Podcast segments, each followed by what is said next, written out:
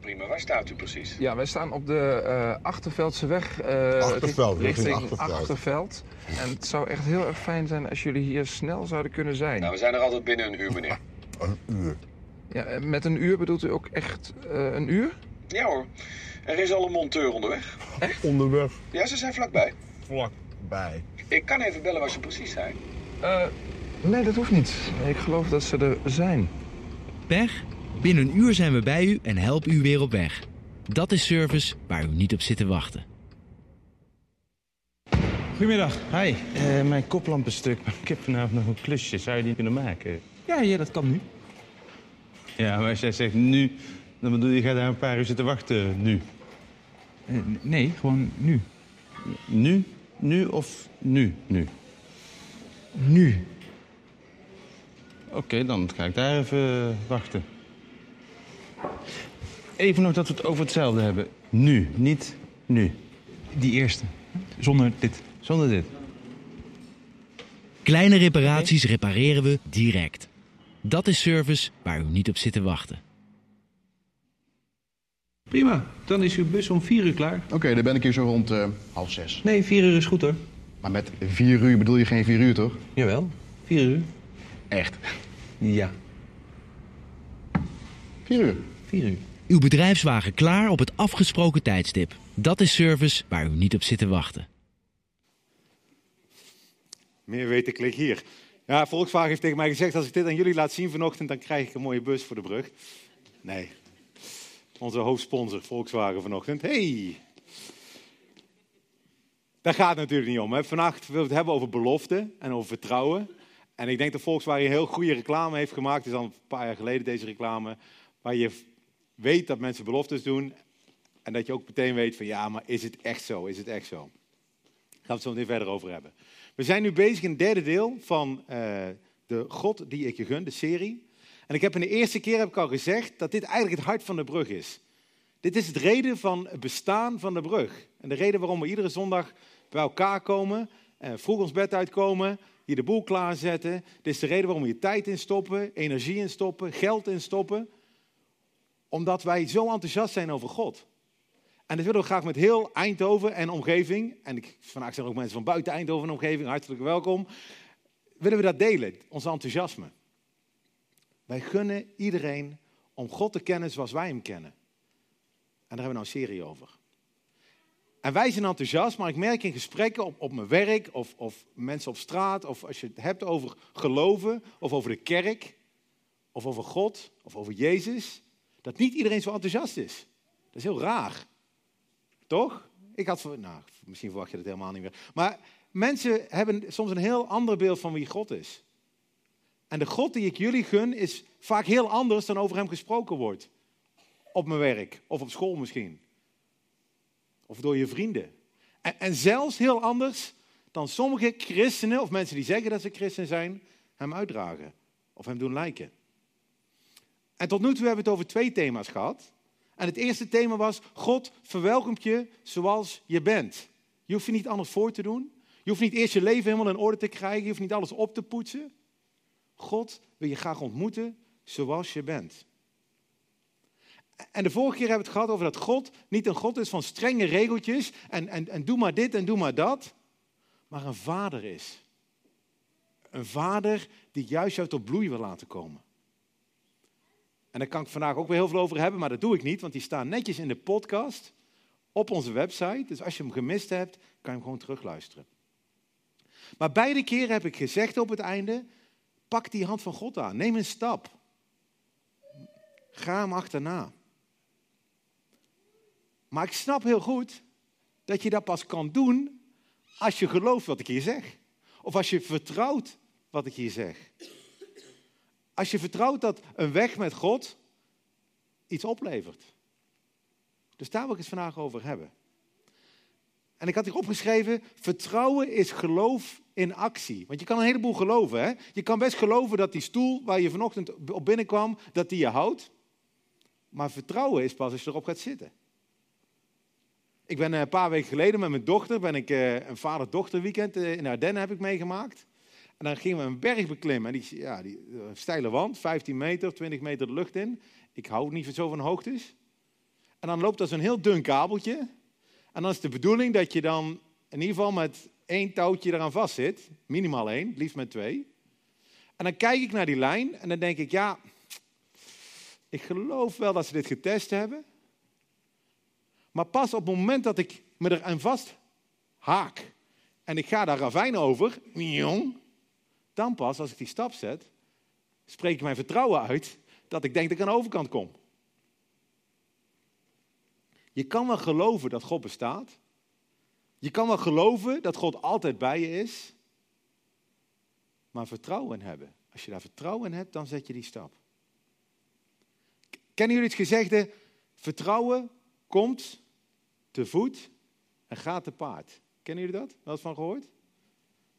Dat betekent, dat is een, uitdrukking in het Nederlands, dat het vaak een heel proces is om vertrouwen op te bouwen. Dat zie ik ook met heel veel van jullie en met mezelf ook. Als ik kijk naar mijn wandeling met God, dan duurt het best lang voordat je dat vertrouwen hebt. En als het vertrouwen geschaad wordt, hoeft maar één ding te gebeuren, dan is het ook meteen weg. Als je een keer in een restaurant gaat eten en het eten is slecht, dan duurt het weer een hele tijd voordat je daar terugkomt. Is een proces. En daarom vond ik het ook heel lastig vanochtend van wat ga ik hier nou zeggen? Want ik kan wel een heel mooi verhaal gaan houden over waarom ik God vertrouw of waarom God te vertrouwen is. Maar het is vaak een proces waar je doorheen moet. Dus ik ga mijn best doen om in ieder geval jullie een stapje verder te helpen in dat proces. Ik merkte, als je daarmee bezig bent met het onderwerp over vertrouwen, dat er heel veel bedrijven in mijn omgeving adverteren met vertrouwen. Wie, wie winkelt er wel eens bij de Jumbo? Wat staat er op de deur bij de Jumbo? De zeven zekerheden van Jumbo. Dat is geweldig, daar beloven ze je van alles. Maar is het echt waar? Krijg je dat ook? Is het echt waar als je dat vierde aansluit in de kassa, dat je, dat je gratis boodschappen meekrijgt? Of hebben ze dan een of ander foefje bedacht om jou toch als derde, doen ze, roepen ze dan, kassa gaat open en telt het dan niet meer mee? Of telt het niet mee als ik met mijn 100 euro aan boodschappen daar sta? Dat is rechtsbijstand. Die hebben vijf klantbeloftes.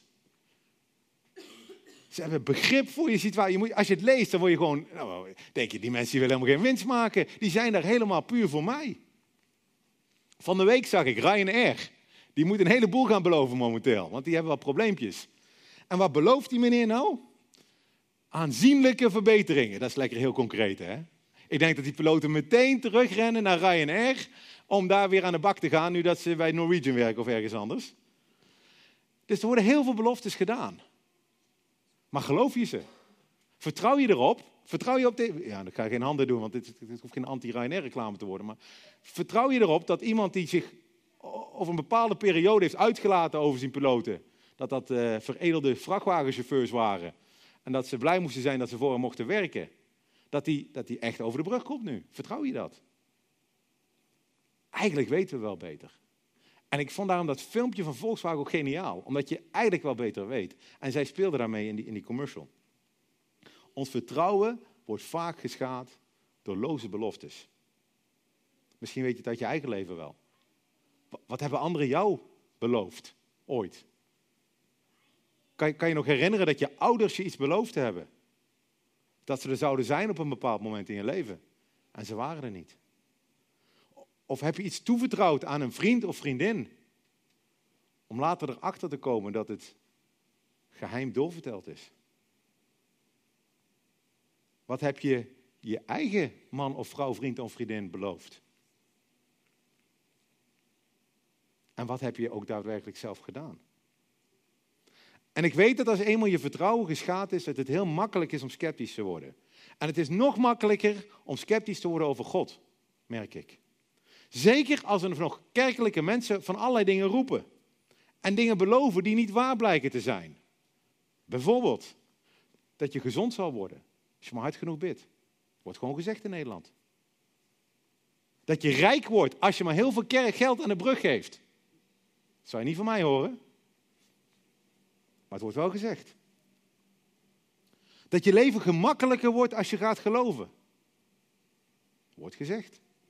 Dat de wereld eindigt op 23 september. Wie heeft die gehoord? Dat de wereld ging eindigen op 23 september.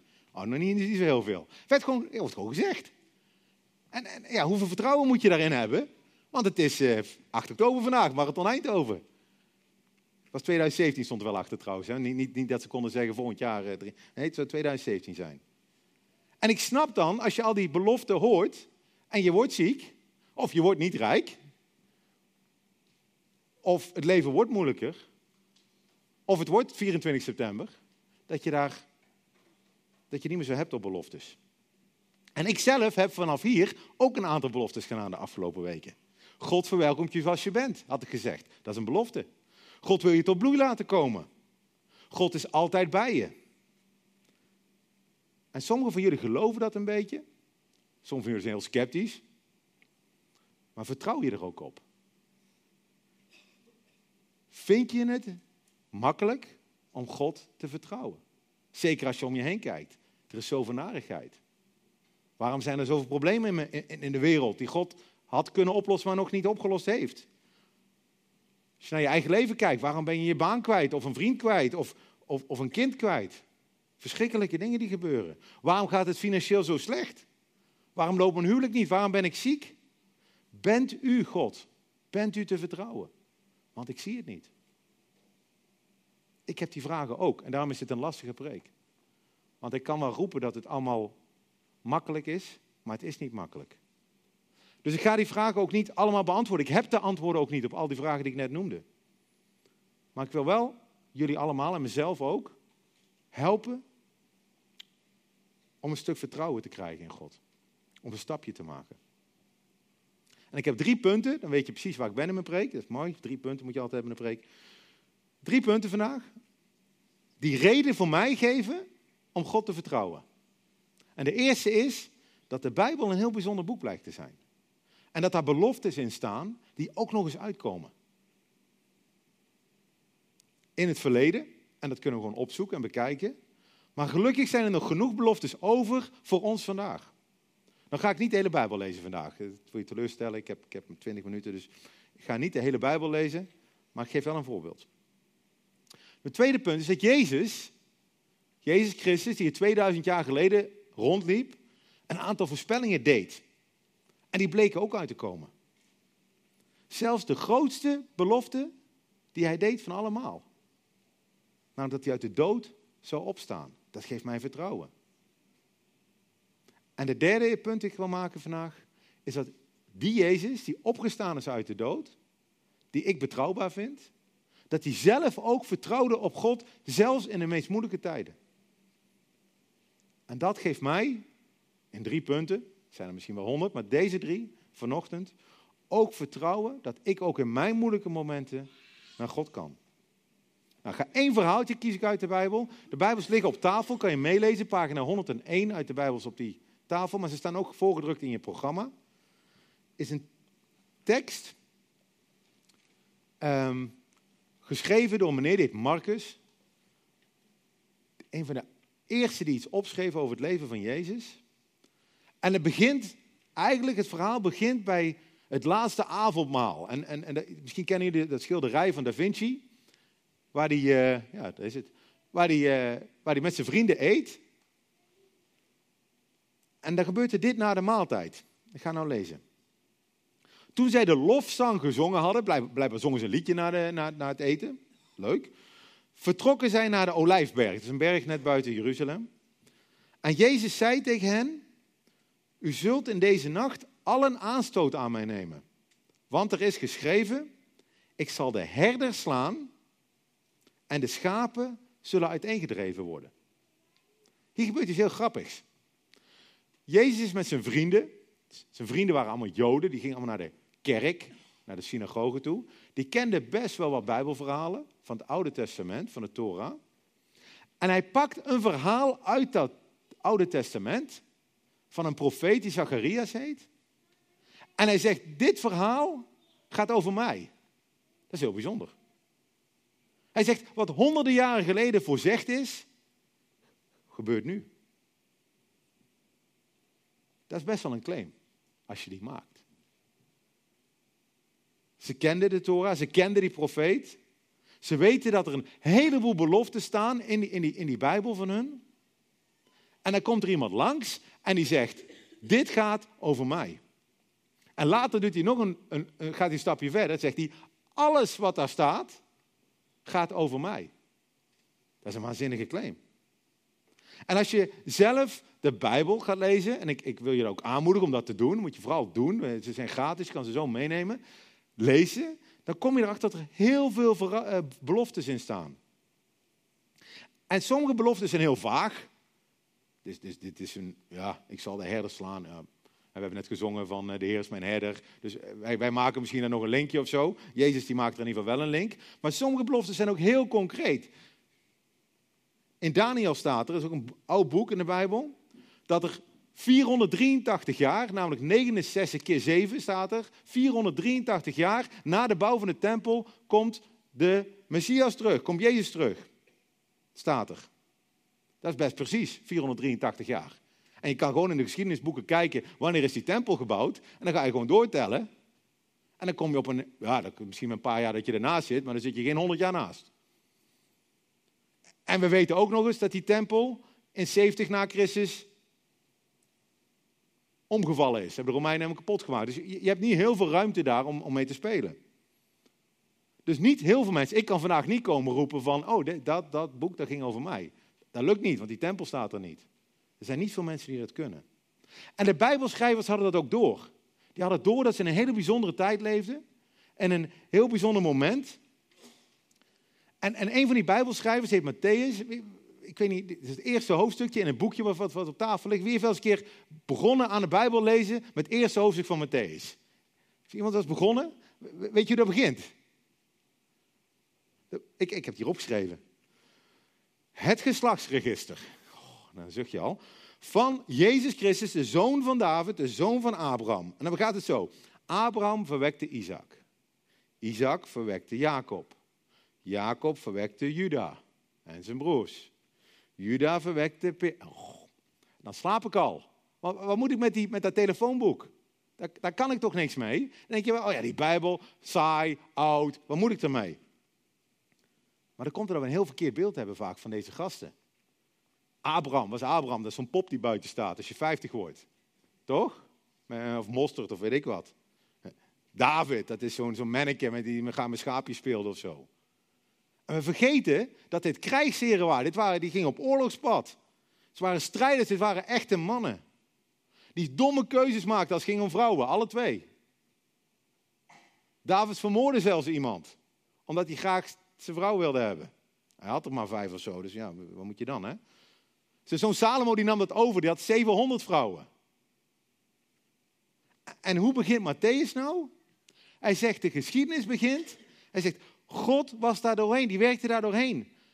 Dit is onderdeel van zijn grotere plan. God heeft beloftes gedaan aan David. God heeft beloftes gedaan aan Abraham. En die komen nu in vervulling door Jezus, de zoon van David, de zoon van Abraham. En ondanks alle rariteiten van die gasten, en ondanks dat die mannen hele rare dingen en foute dingen deden, dat ze ontrouw waren, heeft hij een plan. En hij werkt er dwars doorheen. Vanaf het begin van de tijd had hij een doel voor ogen. En hij komt tot zijn doel door mensen als David, als Abraham, als jij en ik. Eigenwijze mensen. Mensen die fouten maken. Mensen die nog een heleboel te leren hebben. Een heleboel karaktervorming nodig hebben. Maar God is te vertrouwen, is het punt dat Matthäus wil maken. Door de hele geschiedenis heen is hij er. En Jezus onderstreept dat door te zeggen wat toen beloofd is, dat gaat over mij. Alle beloftes van God komen uit. En we hebben nu geluk, want we leven niet in het jaar 0, we leven in het jaar 2017. We kunnen terugkijken in die Bijbel, in het Nieuwe Testament, het Oude Testament, wat er al in vervulling is gegaan en hoe. Dat moet ons vertrouwen geven. Dus ik wil je erg aanmoedigen om dat eens een keer te lezen en te kijken naar die beloftes die erin staan en hoe die tot vervulling zijn gekomen. En kom je er ook achter dat er een heleboel nog moeten komen. Dat is geweldig. Ik ga verder met de tekst. Mijn tweede punt was dat Jezus zelf voorspellingen doet. Hij had er al één gedaan, hè, net. Hij zei, u zult in deze nacht al een aanstoot aan me nemen. Dat had hij al gezegd. Maar hij gaat verder. Hij zegt, nadat ik opgewekt zal zijn, zal ik u voorgaan naar Galilea. Nou, met opgewekt bedoelt hij niet eh, dat hij blij is, vrolijk is. Hij bedoelt er staat, staat het, het Griekse woord egero, dat hij zal opstaan uit de dood. Dat is een behoorlijke claim. Hij zegt, na het eten gaat hij een bergje op. En hij zegt tegen zijn vrienden, nadat ik zal opstaan uit de dood, zie ik jullie in Galilea. Stel dat ik dat nou tegen jullie zeg. Leuke zondag, jullie zijn hier. Morgen, nadat ik opgestaan ben uit de dood, zie ik jullie bij de IKEA. Dan sturen jullie mij naar de Grote Beek. Toch? Want wie zegt nou zoiets? Wie zegt nou dat hij morgen gaat opstaan uit de dood? Of hij zegt niet morgen, maar hij zegt nadat hij... Wie zegt nou dat hij gaat opstaan uit de dood? Dat doen mensen niet. Mensen gaan dood. En zijn vrienden reageren ontzettend heftig. Hè? Petrus zegt tegen hem... Hij slaat een beetje dat opstaan over. Hij zegt, al zullen allen aanstoot aan u nemen, ik niet. Jezus zegt, voorwaar ik zeg dat u vandaag in deze nacht, voordat de haan twee keer gekraaid zal hebben, mij driemaal zult verloochenen. En dan zegt Petrus, nee, al moet ik sterven. Al moet ik sterven. Ik zal u beslist niet verloochenen. En evenzo spraken zij allen. Dus het was niet alleen Petrus. Hè? Petrus een beetje haantje de voorste ADHD. Een beetje op mij lijkt hij wel. En meteen een woordje en niet nadenken. Maar hij zegt, al loopt iedereen weg, ik ga niet weg. Zelfs al moet ik sterven. En een paar uur later staat hij naast, ik denk een knap meisje. En die vraagt hem iets van, hey, hoorde bij Jezus? En toen was het, nee, die ken ik niet. Want ja, hij wilde even indruk maken op dat meisje. Een paar uur later. En hij zegt, hier, ik ga sterven voor u. Ik herken dat wel trouwens.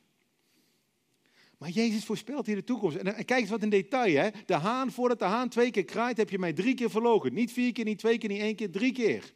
En het gebeurt ook.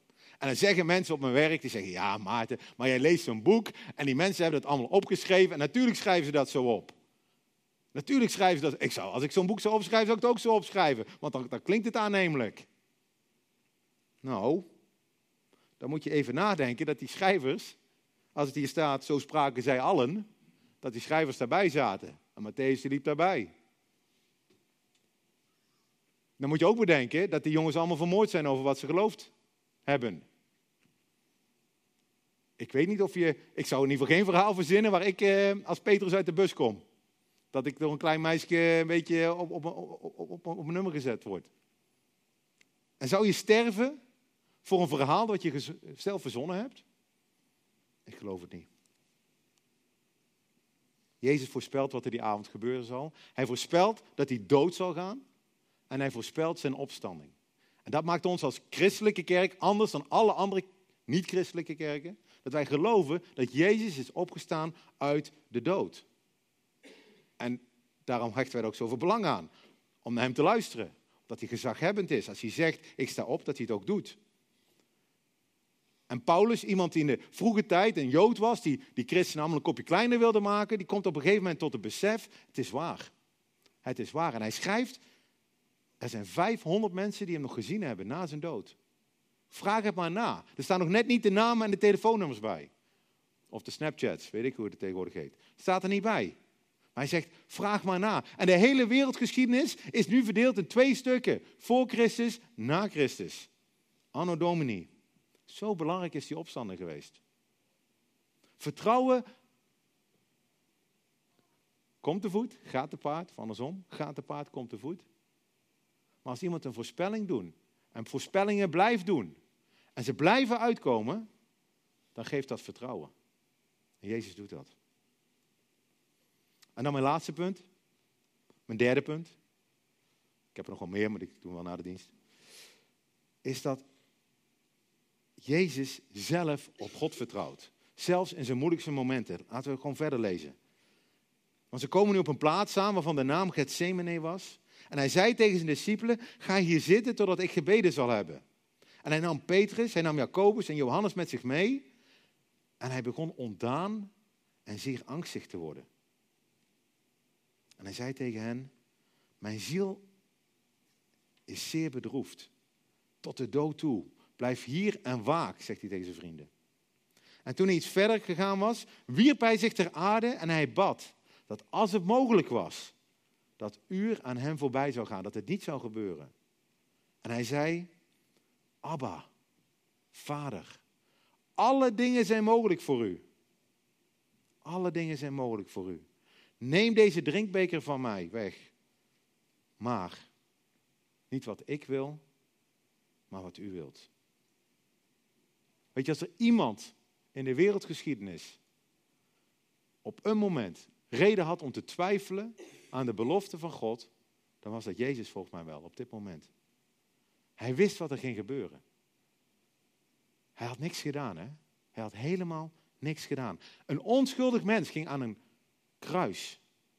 Hij zou gemarteld worden. Zijn vrienden zouden hem verlaten en God zou hem verlaten. En hij wist dat hij al onze ellende zou moeten meedragen aan dat kruis. En dat kon hij met niemand delen, want niemand wist hoe zijn relatie met God was en hoe erg het zou zijn als God hem de rug zou toekeren. Hij was ontdaan, staat er. Hij was zeer angstig. En wat doet hij dan? Hij is open. Hij is eerlijk tegen God. Hij zegt: God, alles is mogelijk voor u. Alles. En dat is ook. God kan alle problemen weghalen uit jouw leven en uit mijn leven. Dat kan Hij. En Jezus vraagt daar nu om. God kan ervoor zorgen dat je niet hoeft te lijden. God kan alles. God kan zelfs ervoor zorgen dat Nederland nog verder kan. Ja, dat is onvoorstelbaar.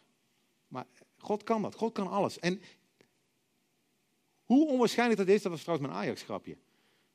Ik had Ajax willen invullen, maar dat heb ik toch maar niet gedaan. Hoe onwaarschijnlijk is dat, hè? En zo groot is God dat hij alles kan. En de vraag is, durf jij zo met God te praten? Durf jij naar God toe te gaan en te zeggen, God, ik weet dat u alles kan en ik heb nou zoveel rottigheid in mijn leven. Komt u nou? Help mij. Of ga je vaak heel vroom naar God toe? Zeg, oh God, alles gaat goed met mij. Durf je tegen God te zeggen, ik ben niet blij met u. Ik ben boos op u. Jezus doet dat hier. Durf je naar God te zeggen, ik weet dat u alles kan, maar ik ben teleurgesteld, want u doet het niet. Dat mag. Jezus doet het. Maar ook jij en ik, we zijn kinderen van een liefdevolle vader. Een vader die het graag heeft dat je naar hem toe gaat en dat je eerlijk tegen hem bent. Omdat juist dat niet eerlijk zijn afbreuk zou doen aan de relatie met hem. Maar tegelijk zegt Jezus hier nog iets.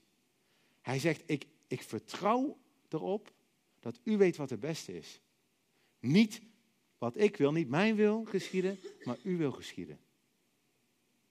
En er is maar één manier waarop je dat kan zeggen, volgens mij. Dat je zo naar God toe gaat, dat je kan zeggen, niet wat ik wil, maar wat u wil. En dat is één woordje in deze tekst. Een woordje dat ze zelfs niet eens vertaald hebben, omdat het zo persoonlijk is. Abba. Jezus zegt Abba, papa, zegt hij tegen God. Hij kent God als vader. Een vader waarvan hij weet dat hij het beste met hem voor heeft. Jullie weten dat ik kinderen heb. Misschien heb je zelf kinderen. En een paar jaar geleden had ik met twee kinderen moest naar het ziekenhuis. En dan moesten amandelen verwijderd worden. En ik weet nog heel goed dat ik meeging in die operatiekamer. Krijg je zo'n mooi schort om. En dan mag je je kindje vasthouden. En dan staat er zo'n heel team van mensen staat daar klaar. En een heel groot apparaat dat allemaal herrie maakt. En je houdt het hand van je kind vast. En die blik in die ogen van mijn dochter zal ik nooit vergeten. Die angst. Die angst op het moment dat ze een kapje kreeg. En dat we het vast moesten houden, want ze wilde niet. Dat ze onder narcose gebracht werd. En je, ik weet niet of ze het gezegd heeft, maar kon in haar ogen zien. Papa, wat gebeurt er? Papa, ik wil niet. Papa, waarom houdt u mij nou vast? Ik, ik wil hier weg. Papa, help me. Papa, je zou me toch beschermen? Ik dacht dat u goed was. Maar u verraadt mij nu. Die blik, die blijft mij blij. En soms begrijpen we helemaal niets wat God doet in ons leven. Waarom hij bepaalde dingen toestaat, waarom hij bepaalde dingen niet toestaat. En dan is het zo belangrijk om God te leren kennen als Abba, als papa. Iemand die je wel kunt vertrouwen. Die, waarvan je weet dat wat er ook gebeurt, dat het uiteindelijk het beste is voor jou en voor het grotere plan. Een paar uur na dit verhaal werd Jezus afgevoerd door soldaten. Ze nagelden zijn armen en zijn benen aan een kruis. Hij werd verlaten door God. Hij scheerde het uit, hè? God, waarom hebt u mij verlaten? riep hij aan het kruis. Maar het waren niet zijn laatste woorden aan het kruis. De laatste woorden die Jezus zei aan het kruis was Vader, Papa, Abba, in uw handen beveel ik mijn geest. Papa, ik kom thuis. Jezus vertrouwde op God. Hij vertrouwde op dat grotere plan. Hij vertrouwde op het karakter van God, dat God goed is. En hij kende hem als papa. En dat is de God die ik je gun. We praten hier over vertrouwen, we praten over geloof. Geloven dat God van je houdt. Geloven dat God bij je is. Dat God je niks toerekent.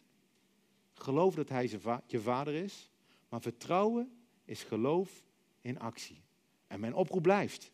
Durf je een stap te nemen? Durf je net als Jezus op je knieën naar God te gaan?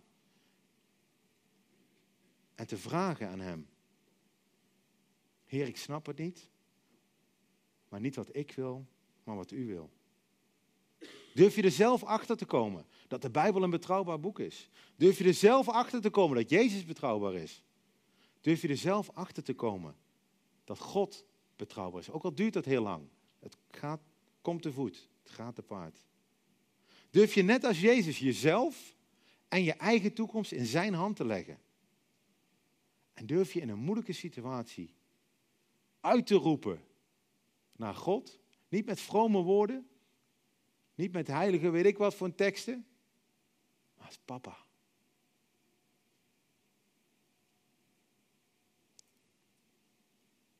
Een laatste tekst. Hoe zal hij, die zelfs zijn eigen zoon niet gespaard heeft, maar voor ons alle overgegeven heeft, ons ook niet met hem alle dingen schenken? God houdt van je. Hij heeft het meest waardevol zijn eigen zoon gegeven.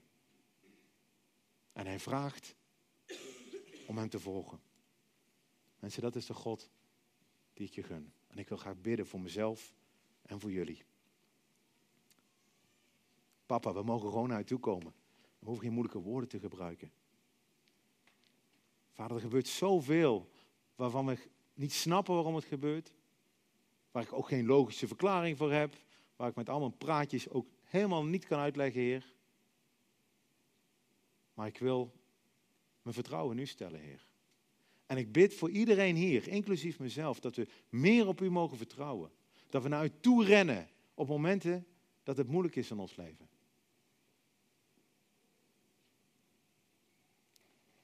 Heer, help ons. Kom bij ons, loop met ons mee, wandel met ons mee. Dat we u mogen ervaren. En dat we vertrouwen in uw grotere plan mogen krijgen, Heer. Help ons om onze angsten daarover en onze scepticiteit, Heer, dat we dat mogen overbruggen.